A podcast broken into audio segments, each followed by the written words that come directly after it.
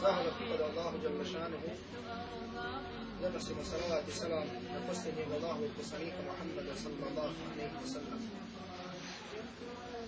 Kaže uzvišeni Allah subhanahu wa ta'ala u svojoj plemenitoj knjizi يا أيها الذين آمنوا اتقوا الله حق تقاته ولا تموتن إلا وأنتم مسلمون Ovi koji vjerujete, bojite se Allaha Đalašanuhu istinskom bogobojaznošću i nemojte umirati osim kao pravi muslimani.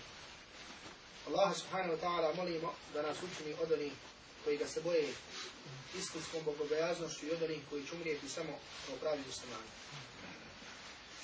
Draga braćo, u našem prošlom predavanju počeli smo sa komentarom, sa tumačenjem jedne od najuzvišenijih i najveličanstvenijih kuranskih sura, a to je sura Al-Ikhlas, odnosno sura Kul huvallahu ahad. Sura za koju Allahu poslanik Muhammed sallallahu alaihi wa sallam kaže da vrijedi trećini Kur'ana. I da onaj ko prouči ovu suru, smatra se kao da je proučio trećinu Kur'ana. U tom našem predavanju govorili smo o, ili da kažemo, kratko smo se osvrnuli na sami onaj uži komentar ove sure, a to je šta su mufessiri, komentatori Kur'ana spomenuli, komentarišući svaki od ovih kuranskih ajeta, a zatim smo rekli da ćemo spomenuti neke od stvari koje su nužne i koje su bitne kako bi se ova sura u potpunosti razumila. Pa smo tako rekli između ostalog, spomenuli smo govor islamskih učenjaka koji kažu da je ova sura pojasnila svaku vrstu tevhida. Da je ova kuranska sura, iako, iako je kratka koliko je kratka, da je pojasnila i ukazala na svaku vrstu tevhida. I da je ova kuranska sura također ukazala, odnosno odgovorila na svaku vrstu i ukazala na neispravnost svake vrste širka, odnosno pridruživanja nekoga ili nečega Allahu subhanahu wa ta'ala. Zatim smo spomenuli govor islamskih učenjaka ili da kažemo prije svega dokaze iz Kur'ana i sunnata Allahovog poslanika sallallahu alaihi wa sallam kao iz prakse prvih generacija, kao i generacija islamskih učenjaka do dan danas, koji nam govore o tome kako muslimani trebaju i moraju i imaju razloga da strahuju od nečega što se zove širk. Da strahuju od nečega što se zove širk, odnosno da upadnu u nešto što se zove širk. I možda da navedemo, da ponovimo jedan od najjasnijih dokaza i najveći koji ukazuje na to, a to je dova Allahovog poslanika Ibrahima alaihi koji je Allahu jalla šanuhu počivao dovu i govorio Rabbi džnubni wa benije en na'bud al asnam. Allahu sačuvaj mene i moje potomstvo od, od obožavanja kipova. Ibrahim salam dovi Allahu sačuvaj mene i moje potomstvo od obožavanja kipova. To jeste od širka. A Ibrahim salam znamo da Allah Đalešanuhu na više mjesta spominje i ukazuje na njegov monoteizam, na njegov tevhid. I spominje nam ga kao imama, kao predvodnika muvahida, oni koji istinski obožavaju Allaha Đalešanuhu jednog jedinog. Međutim, ovdje vidimo kako ovaj poslanik je imao strah od toga da upadne u riječi i dijela koja su stvari širka Allahu subhanahu wa ta'ala.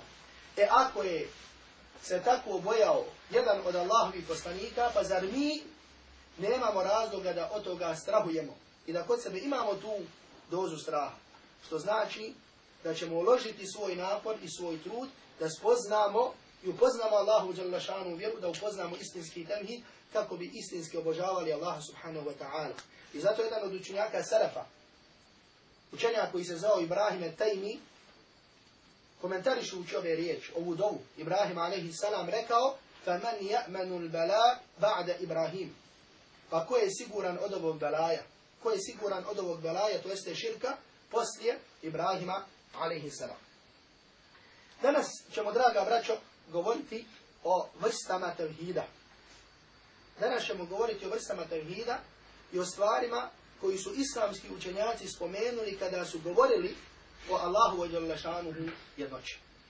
Pa vi ste sigurno nailazili na to da islamski učenjaci čitali ste u knjigama da kada govore o Allahu šanuhu jednoći, odnosno vjerovanju Allahu šanuhu jednoću, to jeste tevhid, da je dijele na tri vrste. Prvo je tevhid rububije. Vjerovanje u tevhid rububijet. To jeste da je Allah Đalešanuhu jedini taj koji je gospodar. I da je Allah Đalešanuhu jedini taj koji je tvorac svega. Drugo je tevhid uluhije. Vjerovanje, nužno vjerovanje, odnosno ispoljavanje tevhida i vjerovanje u Allahu Đalešanuhu jednoću kroz to da vjeruješ da je Allah Đalešanuhu jedini taj koji zaslužuje da mu se, da se obožava i da mu se pokorava. I treća stvar, tevhidul esma i sifat, vjerovanje, odnosno vjerovanje u tevhid kroz vjerovanje u Allahu wa lijepa imena i njegova svojstva. Ove tri stvari, kroz ove tri stvari su islamski učenjaci govorili o Allahu wa jednoći. Pa tako prva stvar, vjerovanje u to da je Allah gospodar svega. Ovo je stvar, da kažemo, draga braću, koja je ono opšte poznata. I Allah Đalešanu na više mjesta u Kur'anu nam govori o tome kako je Allah Đalešanu jedan jedini gospodar svega.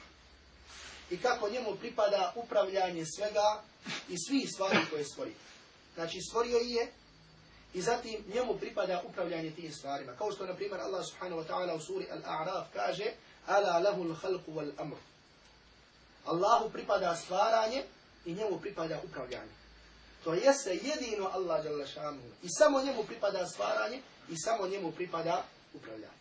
Kao što Allah subhanahu wa ta'ala kaže Alhamdulillahi rabbil alamin. Zahvala pripada Allahu, gospodaru svih svjetova. I ova vrsta tevhida je bila prisutna, da kažemo, i kod prvih, odnosno kod mušrika, kod mnogobožaca, kojima je poslan Allahu poslanik Muhammed sallallahu alaihi wa sallam. Jer pored svog širka, kao što ćemo kasnije spomenuti, u koji su upali, oni su čusto bili ubijeđeni da je Allah Đalešanuhu jedan jedini, da je on, da kažemo, vrhovno božanstvo, da je on tvorac svega, da on, da on upravlja svim stvarima i tako dalje. Međutim, iz nekih drugih razloga su upali u širk i počeli su da obožavaju druga božanstva. Druga vrsta i ona vrsta tevhida koja je najvažnija i o kojoj ćemo se najviše večera zadržati, a to je vjerovanje da je Allah Đalešanuhu jedan jedini zaslužan da se obožava. I da samo Allah subhanahu wa ta'ala treba da se obožava. I treća vrsta tevhidu asma i osifa da vjerujemo da Allahu Đalešanuhu pripada i sva savršena imena i sva savršena svojstva. Ibn Qayyim rahmetullahi alaihi kada govori o tevhidu, kaže da Kur'an u stvari samo o tevhidu govori. Ibn Qayyim, kada govori o važnosti tevhida, kaže da Kur'an u stvari govori samo o tevhidu. Pa kaže, al-Kur'anu kulluhu fi tevhidi. Kur'an sav govori o tevhidu. Wa fi ahlihi, wa hukukihi, wa jazaihi. Jer kaže, Kur'an govori o tevhidu, govori o sledbenicima tevhida, šta će se desiti na dunjaluku, šta će se desiti na ahiretu sa sledbenicima tevhida, koje su obaveze prema Allahu subhanahu wa ta'ala i šta je nagrada za one koji budu obožavali Allaha jalla šanuhu jedno jedino. To jeste kaže sve je vezano za tevhid za Allahu jalla šanuhu jedinstvo. Kaže ša'ni širki wa ahlihi wa jazaihi. Wa jazaihi. I Kur'an također s druge strane govori samo o širku. I govori samo o širku, to jeste govori o tevhidu i širku i o širku i o onima koji Allahu Đalešanu učine širk i šta njih čeka i tako dalje. Jer sve ove stvari od naredba, zabrana, šta će se desiti sa stanovnicima dženneta, šta će se desiti sa stanovnicima džahennama, dolazi sve radi čega? Samo radi jedne tačke. A to je da li su Allaha Đalešanu prihvatili, odnosno da li ga obožavaju onako kako im je naređeno. I zato kažemo da u stvari kada vidimo kao što kaže Ibn Qayyim rahmatullahi alaihi da Kur'an čitav govori o tevhidu. Šehhul Islam Ibn Taymiyyah rahmatullahi alaihi govoreći o ovoj vrsti tevhida A to je vjerovanje da jedino Allah Đalešanu, draga braćo, zaslužuje da se obožava. Kaže da se po ovoj vrsti tevhida razlikuju muslimani od mušrika. Da se po ovoj vrsti tevhida razlikuju muslimani od mušrika. To jeste oni koji su spoznali da Allah Đalešanu jedan jedini i potpuno se njemu pokorili. I oni koji su spoznali da Allah Đalešanu jedan jedini, međutim iz nekih razloga odbijaju da se pokore Allahu subhanahu wa ta'ala. Znači kaže šehu Islam ibn Taymiye da se po ovoj vrsti tevhida razlik, razlikuju muslimani od nemuslimana. I zato ako pogledamo, ako vidimo na primjer slučaj Iblisa, la'anetullahi alaihi, za Iblis, kojeg Allah Đalešanu navodi kao prvaka nevjernika, Zar Allah Đalešanu nam ne navodi kazivanje u Kur'anu da Iblis, da on govori, da se obraća Allahu subhanahu wa ta'ala, da se kune Allahu wa Đalešanu moći njegovom snagom. Kada kaže fe bi izzetike la ugujennahum ajma'in. I kada Iblis alaihi salam, stakfila, kada Iblis la'anetullahi alaihi reče, i tako mi tvoje moći, i tako mi tvoje snage, svi ću ih u zabludu odvesti. Znači vidimo ovdje šta? Da Iblis prihvata Allaha Đalešanu kao gospodara. Međutim, odbija da mu šta? Da mu učini seđu. Odbija mu pokornost i tako dalje. Zatim druga stvar. Mušrici kojima je poslat Allahu poslanik Muhammed sallallahu alaihi wa sallam. Odnosno oni koji su vjerovali u ta lažna božanstva kada se objavljivao Kur'an. Oni su prihvatali Allaha Đalešanu kao gospodara jednog jedinog. Oni su prihvatali Allaha Đalešanu kao uzvišeno božanstvo. Međutim, oni kipovi kojima su se molili, oni su mislili da su im to samo putevi da dođu do Allaha Đalešanu. Znači, nikada nisu govorili srž naše dove i srž našeg ibadeta je neko drugi, samo Allaha Đalešanu. Ne. Nego oni su vjerovali da je srž njihove dove koju upućuju, da ta dova dođe do Allaha subhanahu wa ta'ala. Međutim, da onaj kip, da on šta? Da on posrednik samo do Allaha Đalešanu. I zato sva ta božanstva koja Allah Đalešanu nam spominje u Kur'anu, ili ona božanstva koja je poslanik Alehi Salatu Vesalam slomio na dan kada je ušao u Meku. Da je poslanik Alehi Salatu Vesalam, kao što se spominje u Siriji, našao preko 300 kipova, koje je sve poslanik Alehi Salatu Vesalam šta? Porušio. Oni su se molili njima kako bi došli do Allaha subhanahu wa ta'ala. I to mislili su kako bi lakše, kako bi brže došli do onoga koji je stvorio nebesa i zemlju. Znači nisu porekli draga braćo, Allah Đalešanu kao gospodara. I zato Allah subhanahu wa ta'ala u svojoj knjizi govoreći o njima kaže da su oni govorili ma na'buduhum illa li uqarribuna ila Allahi zulfa. Mi ne obožavamo osim da nas oni približe, da nas oni primaknu Allahu subhanahu wa ta'ala. Međutim, vidimo znači šta? Znači iz ovog vidimo da odbijanje pokornosti Allahu subhanahu wa ta'ala znači braćo praktične pokornosti u svojim riječima, u svojim djelima, ne znači to da se Allah Đalešanu prihvatio kao gospodara jednog jedinog. Ne znači da se Allah Đalešanu prihvatio kao gospodara jednog jedinog. I zato danas veliki broj muslimana koji šta? Koji kažu da vjeruju Allah Đalešanu, koji kažu ovo, koji kažu, međutim svojim djelima odbijaju pokornost uzvišenom Allahu, nego traže neke druge da im sude, da im diktiraju pravac u životu i tako dalje. Znači nisu spoznali prvu i osnovnu stvar u islamu, a to je šta? To je tauhid. To je tauhid. I zato Ibn Qayyim rahmatullahi alaihi ide malo dalje. I ne govori samo o tim, nego govori o čovjeku kada učini grijeh. Čovjek kada učini grijeh, obični grijeh. Ibn Qayyim kaže, čovjek koji učini grijeh, ne učini ga osim radi manjkavosti u svom tevhidu rububijetu. Onoj prvoj vrsti tevhida. Kaže, učini grije zato što ima manjkavost u svom srcu, u vjerovanju, u to da Allah Đelešanu gospodar jedan jedini. Pa ste ovo. Znači ne ovoj drugoj vrsti tevhida, nego u prvoj. A to je da vjeruješ da Allah Đelešanu tvorac svega. Onog časa kada učiniš neki grijeh, bilo koji grijeh, bilo da u pitanju pogled, bilo da u pitanju ružan govor, bilo da u pitanju ovo, nemalnost po pitanju namaze i tako dalje, zato što tvoja svijest o Allahu Đalešanu, da je gospodar jedan jedini, nije dovoljno jak. Radi toga su učinili. Tako to tumači Ibn Qayyim rahmetullahi alaih. Jer onaj draga braćo ko spozna Allaha Đalešanu i ko spozna da Allah Đalešanu jedan jedini, tvorac svega, kul hu Allahu ahad, reci Allah je jedan, jedan u svom zatu, u svom biću, jedan u svojim djelima, jedan u svojim svojstvima, jedan u svom načinu stvaranja. Allahu samet. On je utočište svakom. Ljudi se njemu pokoravaju i od njega pomoć traže. Lam yalid wa lam yulad, nije rodio, niti je rođen. Wa lam yakun lahum kufuwan ahad. I nikomu rava nije.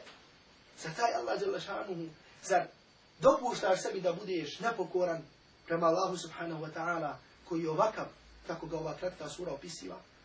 Zar dopuštaš sebi da tvojim da tvoje strasti daš, da im daš prednost odnosu na Allaha dželle šanuhu, jednog jedinog, as-samada, koji utočiš na svakom, koji nije rodio i niti je rođen i nikomu rava nije. Znači, i kada je u pitanju taj obični grijeh, pitanje se nalazi, odnosno problem leži u jednoj osnovi koji se zove tevhid. Dobro. Sada, draga braćo, nakon što smo vidjeli da je tevhid i ibadet nešto što idu nužno jedno uz drugo, da se pozabavimo, odnosno da spomenemo nekoliko pitanja koji su bitne, koja su bitna, kada je u pitanju sami ibadet, odnosno poimanje ibadeta. Jer vidimo ovdje šta? Znači vidimo ovdje da ibadet bez tevhida i tevhid bez ibadeta ne mogu da idu. I da onaj ko spozna Allaha Đalešanu jednog jedinog, da mora da mu bude pokoran u svakoj stvari svog života. Šehhul Islam ibn Taymiyyah, rahmetullahi alaihi, govoreći, davajući na definiciju ibadeta, kaže da ibadet, znači ovdje da vidimo odgovor na dileme oni koji misle da ibadet u onoj, da kažemo terminološkoj podjeli ili pravnoj podjeli, kada stvari dijelimo na ibadete i druge. Znači da kažemo to je jedna podjela na osnovu termina jedne skupine ljudi. A to je, na primjer, kada u islamskom pravu govorimo o stvarima koje su ibadet pod navodnicima, kao što je namaz, kao što je zekat, kao što je post, i stvarima koje to nisu, kao što je, na primjer, brak, kao što je, na primjer, trgovina i tako dalje. Tu kažemo, ovo je ibadet, a ovo je muamalat, ovo su međuljudski odnosi. Ovo je ibadet, ovo su međuljudski odnosi. Ili ovo je ibadet, a ovo je kazneno pravo. Ili ovo je ibadet, ovo je građansko pravo i tako dalje. Znači tu pravimo razliku, jednu posebnu. Međutim, uopšte, šta je ibadet? Šehul Islam ibn Taymiyyah nam ovdje daje definiciju toga. A to je da je ibadet zajedničko ime za svaku stvar koju Allah Đalešanuhu voli i sa kojom je za, zadovoljan, bilo od riječi ili dijela vanjskih ili unutrašnjih. Bilo od riječi ili dijela vanjskih ili unutrašnjih. Što vidimo ovdje da ibadet u suštini sve ono što čovjek treba i smije da radi. Jedan vjernik. Znači svaka sekunda njegovog života treba da bude ibadet. Odnosno svaka sekunda njegovog života treba da bude samo u onome što Allah Đalešanu voli, subhanahu wa ta'ala, i sa čim je on, i sa čim je on, draga braćo, zadovoljan. Ibn Qayyim rahmatullahi alaihi također govoreći o ibadetu kaže da je ibadet da se temelji na dvije stvari. A to je poniznost prema Allahu subhanahu wa ta'ala i ljubav prema Allahu subhanahu wa ta'ala. Znači ovo je također jedna stvar, jer inače svaka rečenica, da kažemo riječ Ibn Qayyim rahmetullahi alaihi, traži jedan, da kažemo malo širi komentar, međutim mi ćemo nekoliko definicija samo spomenuti bez nekog šire, šire komentara. Međutim, ono gdje najviše vidimo važnost ibadeta, draga braća, što na ovom dunjaluku nam je naređeno da obožavamo Allaha Đalešanuhu sve dok nam smrt dođe. Poimanje smrti i sjećanje na smrt nije, draga braću, mala stvar. Čovjek vidi, čovjek čuje. Čovjek ponekad i zamisli kako će biti njemu kada dođe taj, taj smrt, ta smrt. Jer je to je trenutak kada se čovjek razilazi od ovog dunjaluka. Od ovog dunjaluka koliko god da bude vezan za ovaj dunjaluk. Ti časovi, te sekunde, dolazi nešto kada ti prestaješ više biti vezan za ovaj dunjaluk. Pa koliko god da si svoje srce vezu, koliko god da si se povezu, ti tada odlaziš. Allah subhanahu wa ta'ala u suri Yunus kada govori o ljubavi prema dunjaluku kaže inna alladhina la yarjuna liqa'ana waradu bil hayati dunya wa biha. Oni koji se ne nadaju u nama, to jeste koji ne vjeruju u sudnji dan i koji su zadovoljni dunjalukom, vatma ennu biha i smirili su se uz dunjaluk. Znači pogledajte kako ovdje Allah subhanahu wa ta'ala koristi jedan izraz, a to je smirili su se u zunjalu. Znači smira njihovi duša ni u zahiret. U spominjanje Allaha subhanahu wa ta'ala, kao što Allah Đelešanu na drugom mjestu kaže suprotno i kaže obrnuto. Ala bi zikri Allahi tatma innul kulub. Zaista u spominjanje Allaha, zaista u zikr, tatma innul kulub, smiruju se srce. Međutim, Allah Đelešanu navodi ovdje jednu skupinu ljudi i kaže da uz dunjaluk se smiruju njihova srca, odnosno njihove duše. E koliko god čovjek bio takvi, kada dođe taj čas, čovjek se razdvaja od tog dunjaluka. Međutim, sve do tog časa, sve do tog časa tebi je naređeno obožavanje Allaha Đalešanu jednog jedinog. A to je kada kaže Allah subhanahu wa ta'ala hatta yatiyak hatta yatiyak al-yaqin. I obožavaj svog gospodara sve dok ti ne dođe al-yaqin, dok ti ne dođe smrt. Yaqin u arapskom jeziku u osnovi znači ubjeđenje. Međutim, ovdje se koristi u smislu smrti. E tako se one koristi u arapskom jeziku. Jer čovjek kada mu dođe jakin, kada mu dođe ubjeđenje, tada vidi neke stvari koje prethodno nije vjerovao. Međutim, ovdje se ne odnosi kao što misle neke zabludnijele sekte, da jakin se odnosi na ubjeđenje u smislu čovjek kada se ubijedi i kada bude ubijeđen da Allah Đelešanu jedan jedini i tako dalje, da sa njega spada obaveze i badeta. I da tada može da radi šta hoće i tako dalje. Takvi ljudi su po konsenzusu islamskih učenjaka nevjernici. Takvi su ljudi po konsenzusu islamskih učenjaka nevjernici. Jer ovdje se po konsenzusu komentatora Kur'ana na jeqin smatra smrt. Wa'bud rabbeke hatta ya'tiyaka al-yaqin. Obožavaj Allaha dželle šanu sve dok ti ne dođe sve dok ti ne dođe smrt. Ibn Qayyim rahmetullahi alejhi govoreći o temelju i srži ibadeta kaže da se ibadet, draga braćo, temelji na 15 stvari.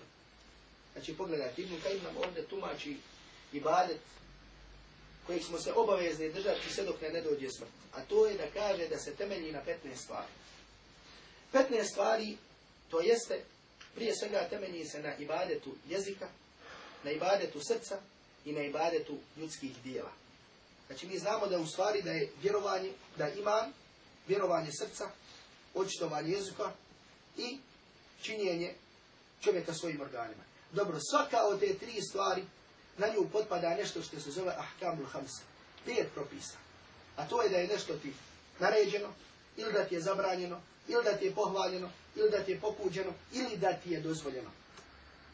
Znači, sada ovi pet propisa se vežu i za čovjekov jezik, i za čovjekovo srce, i za čovjekova djela. To jeste čovjek uvijek i u svakoj stvari mora da bude predat kome?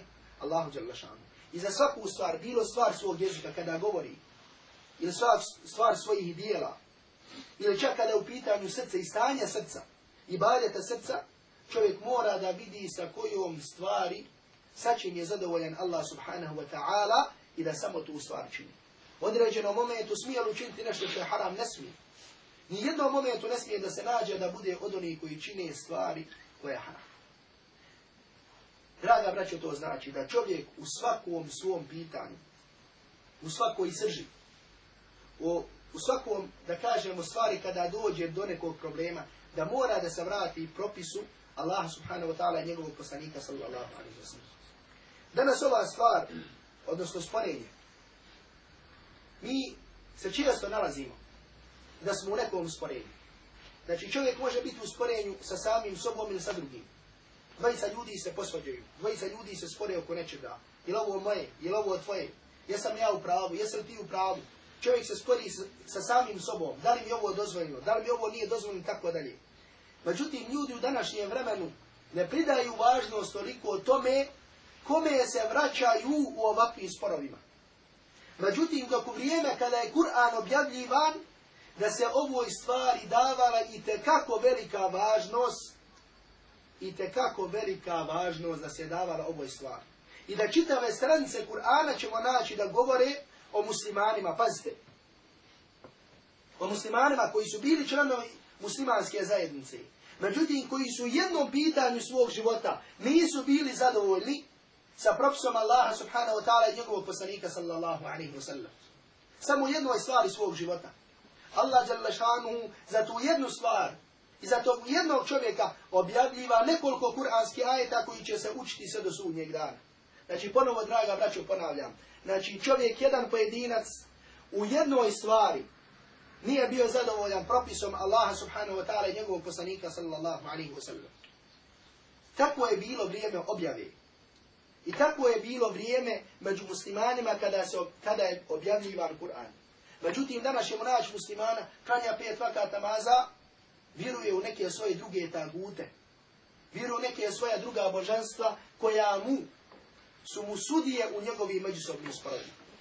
Međutim, dok Allah subhanahu wa ta'ala, i sada ćemo se zadržati na nekoliko kuranskih ajeta, draga braću, o kojima čovjek, ponovo kažem, kao jedinka, ne kao zajednica, treba da razmisli. To je prije svega ajeti sure An-Nisa, u kojem Allah subhanahu wa ta'ala kaže ألم تر إلى الذين يزعمون أنهم آمنوا بما أنزل إليك وما أنزل من قبلك يريدون أن يتحاكموا إلى الطاغوت وقد أمروا أن يكفروا به Jesel ti vidio one, kaže Allah subhanahu wa ta'ala, obraća se poslaniku Muhammedu sallallahu alaihi wa sallam, jesel ti vidio one koji tvrde, Allah Đelšan ovdje kaže, jez'umun, jes ti vidio one koji tvrde da vjeruju u ono što se objavljuje tebi i ono što je objavljivano prije tebe. Yuridune an yatahakamu ila taguti. A oni žele da im tagut. Šta je tagut? U kuranskoj terminologiji je tagut sve što donosi propise mimo Allaha jalla šanuhu i njegovog poslanika sallallahu alaihi wa sallam. I sve što se obožava mimo Allaha jalla šanuhu i njegovog poslanika sallallahu alaihi wa sallam. Oni žele da im tagut sudi وقد أمروا أن يكفروا بي أنا ريجنو إيمي da u njega ne vjeruju. ويريد الشيطان أن يضلهم ضلالا بعيدا الشيطان želi da ju veliku zabludu odvede. Povod objave, draga braća, ovog kuranskog ajeta, kao što je zabilježio, kao što se prenosi od Ibn Abbas, radijallahu ta'ala anhu, da su se posađala dvojica ljudi u vrijeme poslanika, sallallahu alaihi wa sallam. Jedan je bio židov, a drugi je bio munafik. Munafik je bio vidi se nakon objave ovih ajeta. Međutim, kada kažemo munafik, mislimo u stvari musliman. Jer munafik je onaj koji u svojoj vanštini šta? Musliman.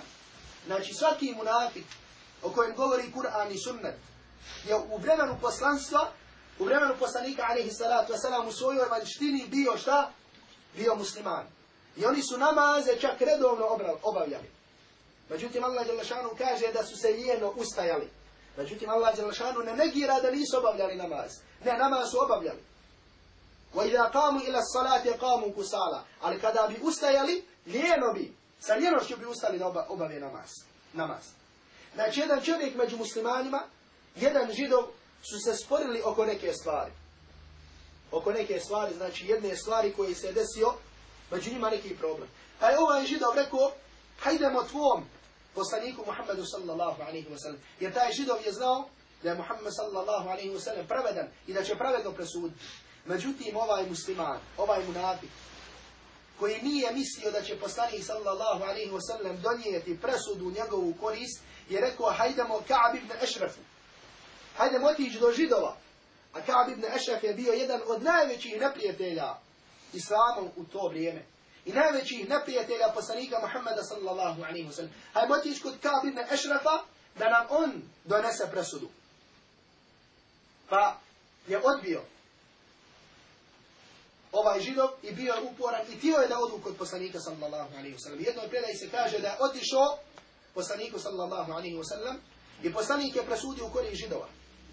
Međutim, nije bio zadovoljan sa tim i ponovo je bio ustana da odu do Ka'b ibn Ešrafa, do ovog židova. I otišli su kod njega. I onda su došli do Omera radijallahu ta'ala anhu. I da im Omer radijallahu ta'ala anhu presudi. I rekli su mu šta se desilo. Znači ovo je jednoj verziji. Pa se kaže da kada Omer radijallahu ta'ala anhu čuo da su bili kod poslanika alaihi salatu wasalam, da nisu bili zadovoljni njegovom presudom, Omer je rekao prička dok dođe iz kuće, otišao je u kuću, uzeo sablju i otkinuo glavu ovome, otkinuo glavu, odnosno ubio ovoga munafika. U drugim predajama se kaže da je ovaj ajet objavljen po pitanju također licemjera, odnosno munafika među muslimanima, koji bi kada bi došlo, došlo do nekog spora među njima, tražili da idu do jednog čovjeka koji je bio kahin, ono što mi danas kažemo vraćar. Znači ljudi ga smatrali mudar, ono, zna zapisivat, zna ovo, pametan čovjek u selu, i išli da im on donosi propise. Da im on donosi sudove. Međutim, vidimo na osnovu toga, draga braćo, na osnovu tih dijela, na osnovu tih postupaka, kakvi dolaze kuranski ajeti. I ti događaji, odnosno povodi objave ovih ajeta, ti događaji, i kakvi ajeti govore o tim događaji, mogu daju nam do znanja kakav čovjek treba da ima odnos prema tome kada dođe u spor sa nekim muslimanom ili kada dođe, kažemo, u spor sa samim sobom. A to je, pogledajte, iako su oni vjerovali, iako su oni govorili da vjeruju, Allah subhanahu wa ta'ala negira to njihovo vjerovanje. Negira to njihovo vjerovanje. I kaže Jezu Umu da oni misle, iako su oni možda mislili bili, ono, da su oni pravi muslimani. Međutim, radi svojih dijela, Allah Đelšanu, pogledajte što govori, oni misle da vjeruju ono što se objavljiva tebi i što je objavljivano prije tebe. A žele da im neko drugi donosi propise. Da im neko drugi donosi propise. Zato poslije ovoga Allah subhanahu wa ta'ala kaže وَإِذَا قِيلَ لَهُمْ تَعَالَوْا إِلَى مَا أَنزَلَ اللَّهُ وَإِلَى الرَّسُولِ رَأَيْتَ الْمُنَافِقِينَ يَسُدُّونَ عَنْكَ سُدُودًا A kada im se kaže dođite, da im presudi, da vam presudi Allah i njegov poslanik, ti vidiš munafike kako, kako bježe, kako idu. Allah Đelšanu kaže koga ra'ejte il munafiqina lice mjere. A ponovo kažem koliko je danas u ovom vremenu grupa i skupina i pojedinaca muslimana, ono znaš, on će klanjati pet vakat namaza, on će ovo, on će ovo, međutim kada dođe do određene stvari, nema da pokori sebe da spusti svoju glavu, da kaže to je propis Allaha subhanahu wa ta'ala i njegovog poslanika alaihi salatu wasalam, nego, pa makar da došlo sa nekim lažnim tumačenjima i tako dalje, neće se pokoriti tome što čuje. I nakon nekoliko ovih kuranskih ajeta, da ne komentarišemo sve, zato što bi uzelo vremena, Allah subhanahu wa ta'ala kaže فَلَا وَرَبِّكَ لَا يُؤْمِنُونَ حَتَّى يُحَكِّمُوكَ فِي مَا شَجَرَ بَيْنَهُمْ I tako mi tvoga gospodara, pogledajte ovdje, Draga braćo, Allah subhanahu wa ta'ala s ovom kuranski, u kuranskom ajetu ne kune nekim drugim. Kao što smo vidjeli da je to običaj Kur'ana. Da se Allah Đelešanu kune sa nekim velikim stvarima što imaju značaj kod ljudi. A jedino Allahu Đelešanu pripada pravo da se sa tim kune. Jer ljudi se smiju zaklinja samo Allahu subhanahu wa ta'ala. I ko se god zakune nečim drugim mimo Allahu Đelešanu učinio širk. Kao što ćemo pojasniti na sljedećem predavanju. Međutim, ovdje u ovom kuranskom ajetu, Allah subhanahu wa ta'ala se kune sam sobom. Allah subhanahu wa ta'ala se kune sam sobom. Fala wa rabbike, i tako mi tvoga gospodara.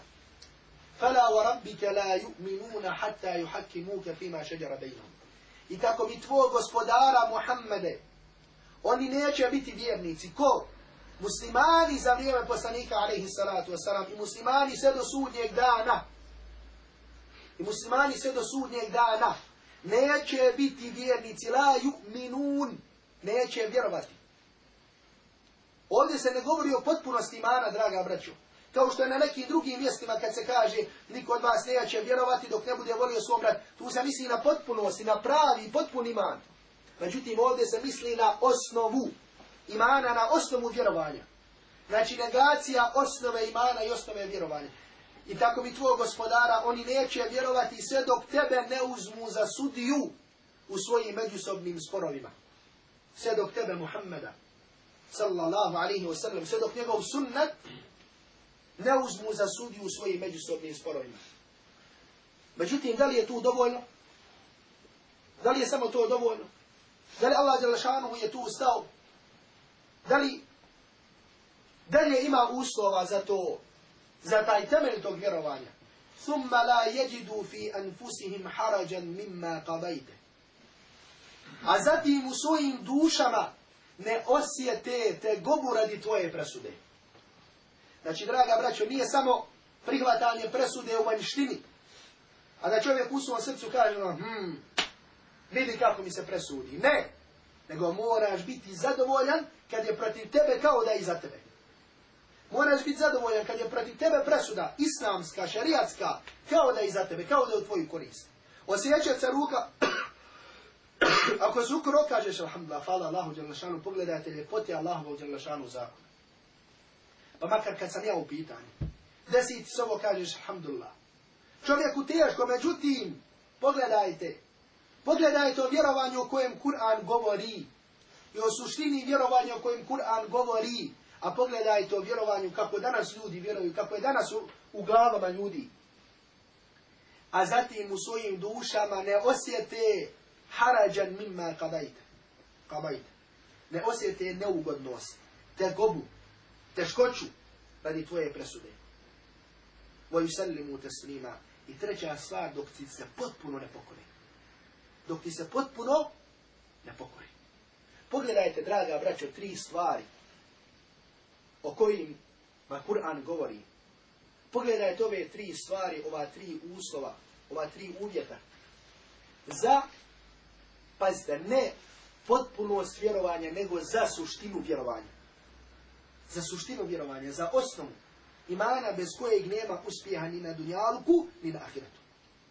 Ni na dunjaluku, ni na ahiretu. I zato je islamski učenjaci, koncenzus islamski učenjaka je. Pazite, ovdje nema razilaženja od islamskih pravnika. Jer dosta puta kada spominjemo na predavanjima razilaženje, kažu šafi je ovako, kažu maliki je ovako, ljudi misle da se svugdje ulema razišla. Ne. Stvari gdje su se složili, mnogo je više nego gdje su se razišli. Međutim, malo se spominje koncenzus Gdje je konsenzus islamskih učenjaka? Islamski učenjaci, postoji konsenzus islamskih učenjaka, to jeste niko se nije razišao, nije niko rekao suprotno, da onaj koji odbije propis Allaha jalla šanuhu i njegovog poslanika sallallahu alaihi wa sallam u jednoj stvari odbije u smislu što nije zadovoljan sa tim, da on postaje sa tim nevjernik i otpadnik od Allahove jalla šanuhu vjeri. Kaže ne, šta će men tu šarijat suditi? Nije zadovoljan šarijatskom presudom. On hoće da mu sudi ovaj sud ili da mu ovo sudi ovaj sud. Islamski učenjaci, tu je konsenzus da taj čovjek postane nevjernik. Jer nema parčanja ove vjere. Isto ko što Allah Đelešanu govori o poslanicima. Onaj koji ne vjeruju samo jednog poslanika, on kao da ne vjeruju sve poslanike. I zato Allah Đelešanu kaže Kezzebet adun il mursalin. Had je poricao poslanike. Iako je do njih došao samo jedan poslanik. Međutim, kad su porekli jednog poslanika, kao da su porekli sve poslanike. I zato u islamu smo rekli, akida, vjerovanje jedna je cijelina koja ne može da se parča, koja ne može da se dijeli. Ne možeš reći ovo ću uzeti, ovo ću odbiti, ovo ću ovako, ovo ću onako, vjerovat ću ovog poslanika, ovog neću vjerovati. Jer tako isto kada je u pitanju sud, kada je u pitanju sud, draga braćo, u svom sporu, znači mora čovjek da bude ubijeđen i da zna da je u svakoj stvari obaveza da se vrati propisu Allaha subhanahu wa ta'ala i njegovog poslanika sallallahu alaihi wa sallam. Jer pravite razliku. Nemojte da u vašim glavama imate jedan neispravan i pokva, jednu neispravnu i pokvarnu analogiju, pa kažete kako danas ljudi, kako ovo, kako ovo. Danas većina arapskih vladara su odbili potpuno da sude po Allahu u zakonu. I uveli su druge. Jedna je stvar da čovjek bude nepravedan u smislu da pogriješi u određenim stvarima. Međutim, pogledajte ovdje šta, ovdje se o čemu govori?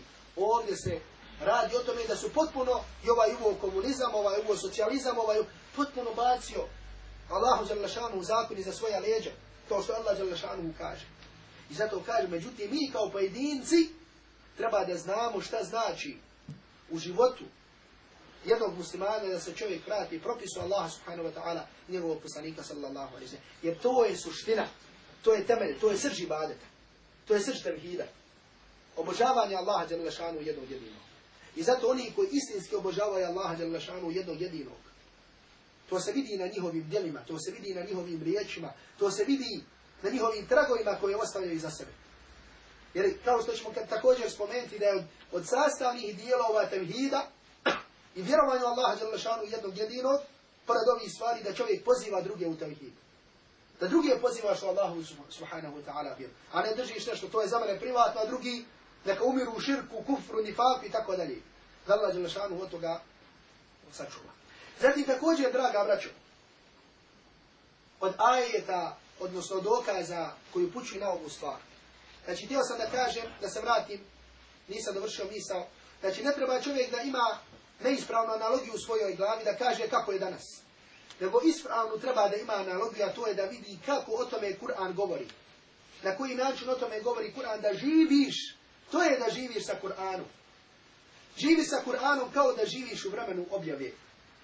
Draga braćo, živiti sa kur'anskim ajetima, živiti sa Kur'anom znači kao da živiš u vremenu kada se Kur'an objavljiva. I zato pogledajte, kada čitate okrilju Kur'ana, od Sejda Kutba, rahmetullahi alaihi, čitajte taj tefsir. Pogledajte, čovjek živi kao da živi u vremenu kada se objavljiva Kur'an. Kur'anski ajet svaki poveziva sa današnjicom, odnosno vremenu sa kim on živi. Pogledajte kako šeha Abdel Azzam, rahmetullahi alaihi, kada piše fi zilali surati Tauba, u okrilju sure Tauba, kada je bio tamo gdje je bio, i piše knjigu fi zilali surati Tauba, u okrilju sure Tauba. On je živio u tom vremenu, međutim živio je tako kao da se Kur'an objavljiva. I to je, draga braću, ono što dosta puta ponavljamo i što ćemo ponavljati što smo ponavljali. Da živiš sa Kur'anom, to jeste zamisli da se Kur'an objavljiva. A da ti te kur'anske ajete normalno na osnovu svog znanja, znači stavljaš ih na određena mjesta, na određene pojave, na određene ljude, na određena dešavanja. I na osnovu toga imaš orijentir ispravan Kakav treba da ima jedan vjernik. Ako to nemaš, možeš biti hafiz čitav svoj život. Sve kirajete i ispravne i neispravne i, i, i mutavatir i šaz, sve da znaš, međutim da, ništa ne znaš. Ako ne bude živio sa Kur'anom. Zatim od drugih dokaza koje na ovu puću jesu riječi Allaha subhanahu wa ta'ala وَإِذَا قِيلَ لَهُمْ لَا تُفْسِدُوا فِي الْأَرْضِ قَالُوا إِنَّمَا نَحْنُ مُسْلِحُونَ Aj također govori o munaficima. A kada im se kaže nemojte činiti fesad na zemlji, oni kažu mi fesad samo uspostavljamo. A kada im se kaže nemojte činiti fesad na zemlji, oni kažu mi red samo uspostavljamo. Oni kažu mi red samo uspostavljamo. Ovaj ajicu sura Al-Bekare koji govori o licemjerima, govori o munaficima. A mi znamo na početku sure Bekare da četiri ili pet ajeta govore o vjernicima, dva ajeta govore o nevjernicima i zatim preko deset ajeta govori o licemjerima. Zato što su licemjeri. Znači oni među muslimanima koji misle da su muslimani, ali koji su licemjeri. Zato što su oni gori od svake sorte kufra. Znači zato što su oni gori i od kršćana, i od židova, i od ovoga, i od ovoga i tako dalje. I zato tu imam isto dokaz da vidimo šta u povodu objave onog kuranskog ajeta. Pogledajte, onaj židov kaže, hajmo poslaniku Muhammedu sallallahu alaihi wa sallam. Zato što nevjernik šta? Ponekad može biti pravedan.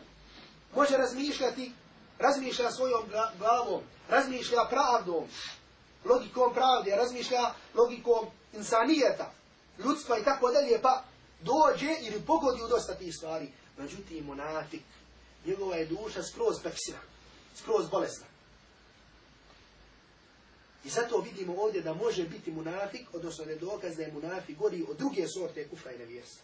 Ovdje Allah Đalešanu govori o njima i kaže, normalno nas podučaje, s ovim kuranskim ajetom, ne podučaje licemjere, munafike.